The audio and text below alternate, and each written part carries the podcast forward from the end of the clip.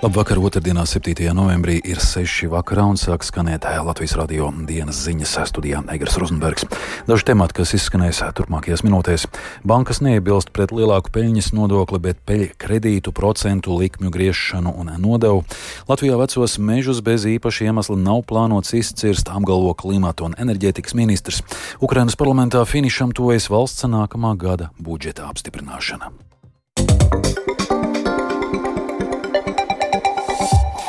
Aizdomās par vismaz 776 tūkstošu eiro izkrāpšanu korupcijas un e, novēršanas un apkarošanas birojas sadarbībā ar Eiropas prokuratūru šodien veic izkrātīšanu un nopratināšanu vairākos objektos Valkā un citviet Latvijā. Knap zināms, ka divas esošās un viena bijusī Valkas novada pašvaldības amatpersona kopā ar kādu uzņēmēju veikušas nelikumīgas darbības, lai iegūtu Eiropas fondu un Latvijas budžeta naudu. Projekts saistīts ar ražošanas ēkas un apkārtējās infrastruktūras izveidi. Četrām Šādām personām ir tiesības uz aizstāvību, nevienam nav piemēroti drošības līdzekļi. Bankas vēl cer rast visiem pieņemamu risinājumu saistībā ar saimas budžeta un finanšu nodokļu komisijas piedāvātajiem hipotekāro kredītu ņēmēju aizsardzības pasākumiem. Komisijas piedāvājums par nodevu draudot atstāt ilgtermiņa sakas. Savukārt saimas budžeta komisijas vadītājs paredzētu atbalsta mehānismu devē kā līdzsvarotu vidusšķiras interešu nosargāšanai. Vairāk Jāņa Kīņša sagatavotajā ierakstā. Saimnes budžeta komisijas virzītais priekšlikums paredz atbalstu tiem, kuriem hipotekārā kredīta maksājumi pārsniedz 20% no ienākumiem. Kredītiestādēm nākamajā gadā būtu viņiem jāsamaksā nodevu 30% apjomā no attiecīgajā ceturksnī aprēķinātajiem procentu maksājumiem par vienīgo hipotekārā kredīta līgumu. Šāds plāns uzskatāms par mākslīgu iejaukšanos kredīta izcenojumā, vērtē banku pārstāvji. Tas būtiski ierobežos vietējo kreditēšanas uzņēmumu konkurētspēju un neuzlabos pieejamību kreditēšanas kreditēšanas pakalpojumiem, jo atstās ietekmi uz kredītu izmaksām nākotnē.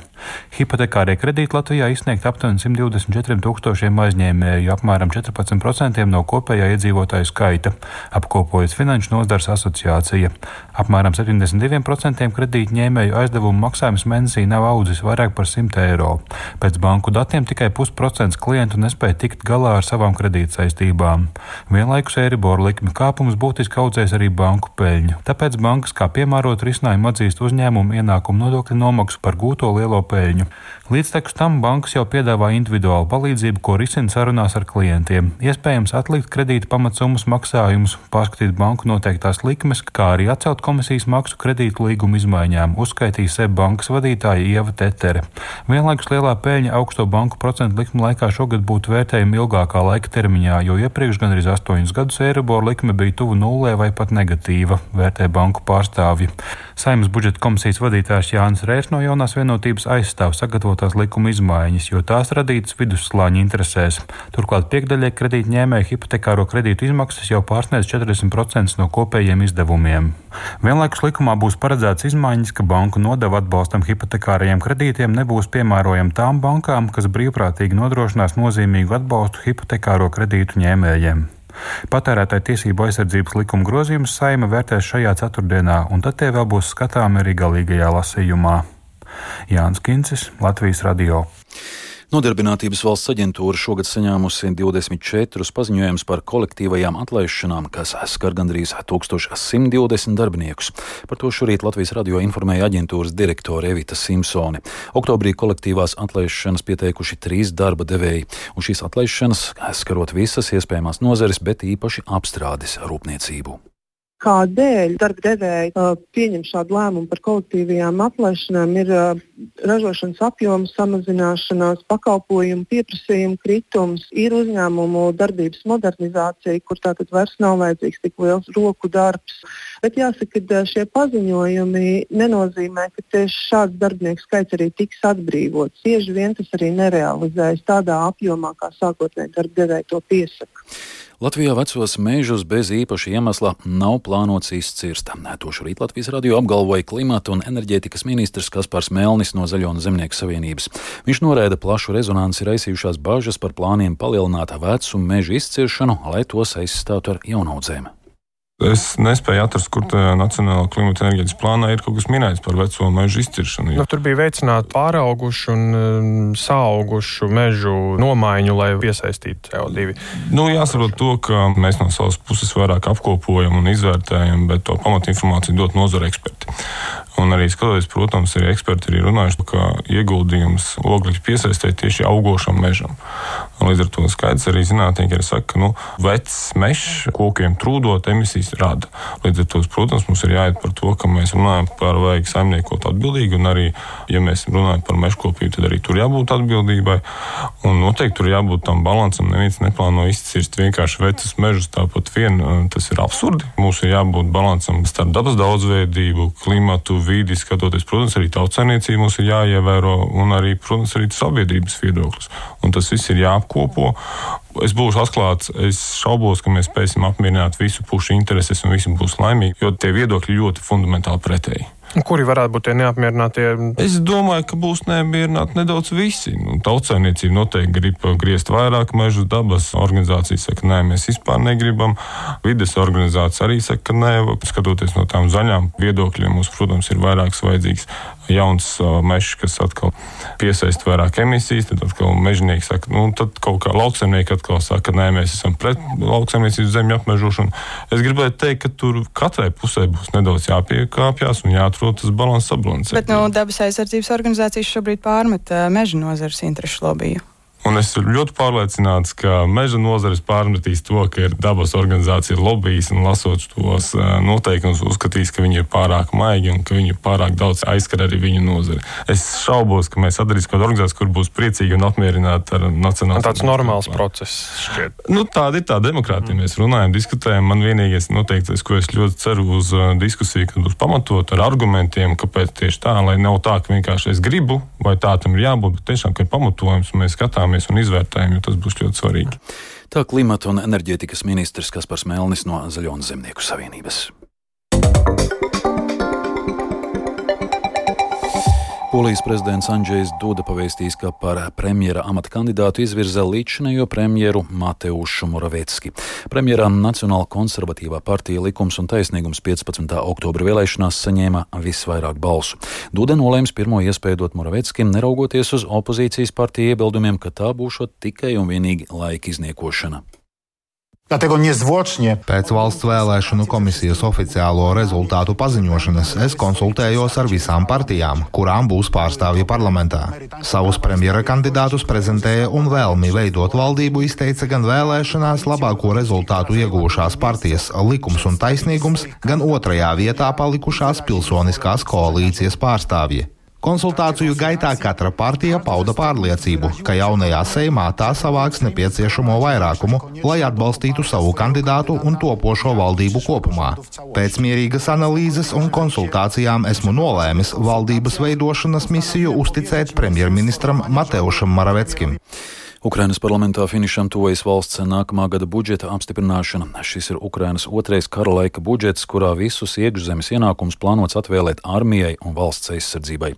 Arī nākamgad Ukraina plāno savu budžetu ar rekordlielu deficītu, jo izdevumi divreiz pārsniegs ieņēmumus.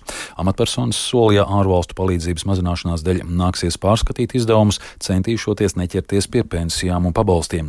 Nākamgad Ukrainā plānots arī pakāpeniski palielināt minimālo algu līdz 8000 grivnām, jeb aptuveni 208 eiro.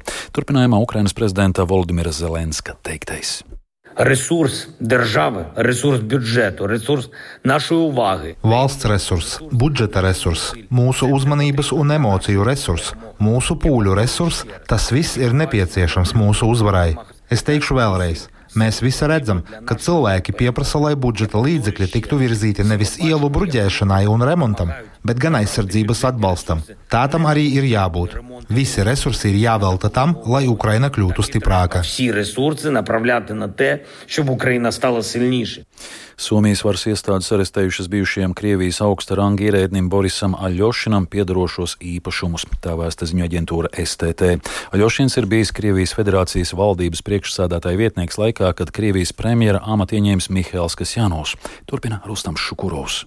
Šā gada jūnijā Aļošins tika pakļauts Eiropas Savienības sankcijām saistībā ar viņa iesaisti Krievijas militārās un aizsardzības nozares uzņēmumu darbībā. Saskaņā ar aģentūras rīcībā nonākušo informāciju, ārests ceļošana Somijas īpašumiem tika uzlikts pēc ārlietu ministrijas lūguma šā gada septembrī. Aresti tika uzlikti diviem nekustamajiem īpašumiem zemes gabaliem, kuru kopējā vērtība sasniedz 2,5 miljonu eiro.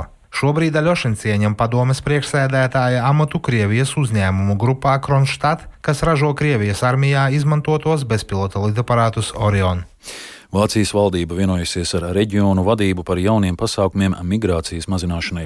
Cita starpā tie paredz pabalstu samazināšanu, kā arī ātrāku izraidīšanu tiem, kuriem palikšana Vācijā ir atteikta. Tāpat Vācijas kanclers Olafs Šolts ir piekritis izvērtēt, vai viņa valsts varētu sekot Itālijas un citu valstu piemēram, ierīkojot migrantu centrus ārpus Eiropas Savienības. Par šādu centru izveidi tikko paziņojušas Itālijas un Albānijas vadības. Turpina Itālijas premjere Džordžija Melonija. L'Albania darà la possibilità all'Italia di utilizzare. Albānija sniegs Itālijai iespēju izmantot zinām tās teritorijas daļu, lai Itālija par saviem līdzekļiem un zem savas jurisdikcijas varētu izveidot divus centrus, kur notiks nelegālo migrantu pieteikumu izskatīšana. Šajos centros sākotnēji varēs atrasties līdz pat 3000 cilvēku, kuri tur paliks tik ilgi, cik tas būs nepieciešams, lai varētu ātri izskatīt viņu patvērumu lūgumus un vajadzības gadījumā organizēt viņu atgriešanu. Ovviamente ai fini del rimpatrio. Kā pasargāt mēdījus no tiesvedības, kuras nolūks ir nevis noskaidrot patiesību un nodrošināt taisnīgumu, bet gan vājināt plašsaziņas līdzekļus un aizbāzt žurnālistiem muti. Tā var formulēt tematu, kuram veltītu diskusiju šodien rīkoja Latvijas mediju ētikas padome. Juristi, kuri aizstāvējuši žurnālistus tiesas procesos, saredz draudīgu tendenci. Ļaunprātīgu prasību esot arvien vairāk, un žurnālisti pret tā dēvēto strateģisko tiesvedību esot nepietiekami aizsargāti. Piemēram, TVNet galvenais redaktors Toms Ostrovs Dombrovskis uzskaitīja gadījumus, kad viņa portāls iesūdzēts tiesā tiesāšanās pēc. Bija viens tiesas process, sākot no 2014. gada. Tas beidzās 2021. gada rudenī, respektīvi septiņus pusgadus. Tas bija par publicistiku, jeb par vienu viedokļu rakstu. Krievijas iebrukums pirmais Ukrainā kontekstā ar Krīmas okupāciju. Bija tāds festivāls savulaik, Jānis Vilnis Jurmalā. Galvenais punkts, kādēļ mums bija jātiesājas septiņus pusgadus, bija, ka Latvijas Nacionālajā Nacionālās operas tā laika direktors uzskatīja, ka mēs esam aizskāruši viņu godu un cieņu, uzrakstot publikāciju par to, ka ir vismaz neētiski ļaut jaunā viņa organizētājiem atzīmēt dzimšanas dienu Latvijas Nacionālajā operā. Un vēl par sportu Latvijas vīriešu hokeja izlase šodien aizvadījusi pirmo pilnvērtīgo treniņu novembra izlašu pauzē, gatavojoties pārbaudes spēlēm pret Francijas izlasi. Vakar Latvijā ieradās lielākā daļa hokeistu, bet šodien visi jau kāpa uz ledus. Komandā izsaukt vairāki šī gada pasaules čempionāta bronzas medaļnieki, tostarp aizsargs Kristiāns Rubīns, kurš Latvijas radio pēc šī rīta treniņa pauda, ka izlases nometnē viņš ar savu darbību balss rādīt piemēru gados jaunākiem hokeistiem, uzņemoties līdera lomu komandā. Te ir ļoti daudz jaunie, līdz to mēs ļoti labi saprotam, ka uh, ne, negribās būt savu mūsu veterāniem vēl, bet, protams, mums kaut kādas varbūt tās līderu pozīcijas ir un uh, gribās tomēr palīdzēt arī jauniem. Varbūt vienkārši būt apkārt, tas nav viennozīmīgi teikt, kas jādara uz laukuma vai kaut kā tā, bet plējām parādīt ceļu, kā mēs ejam cauri katru gadu. Un, un tādu lomu arī esmu uzņēmies, varbūt kā varbūt viens no tiem vecākiem, nu mēs tagad 5, 6 arī esam.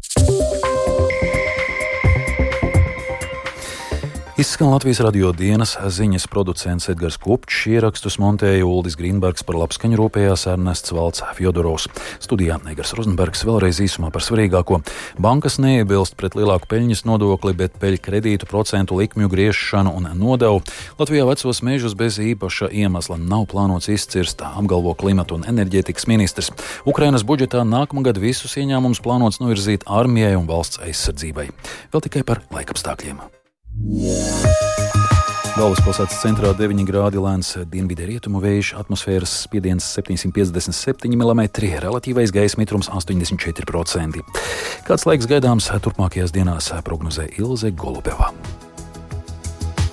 Lai arī trešdien un darba nedēļas beigās debesis dažbrīd skaidrosies, kopumā laiks būs lielākoties mākoņains, pelēcīgs un palaikam arī līs. Nakts un rīta stundās pūšot lēnam līdz mērenam dienvidu rietumu dienvidu vējam, dažviet sabiezēs migla un gaisa temperatūra. Trešdienas naktī pazemināsies līdz plus 5, plus 9 grādiem, bet dienā nebūs siltāks par plus 6, plus 10 grādiem. Arī nedēļas izskaņā lielas izmaiņas laikapstākļos nav gaidāms. Nakts stundās temperatūra lielākoties būs plus 3, plus 8 grādi, bet dienās plus 6, plus 10 grādi.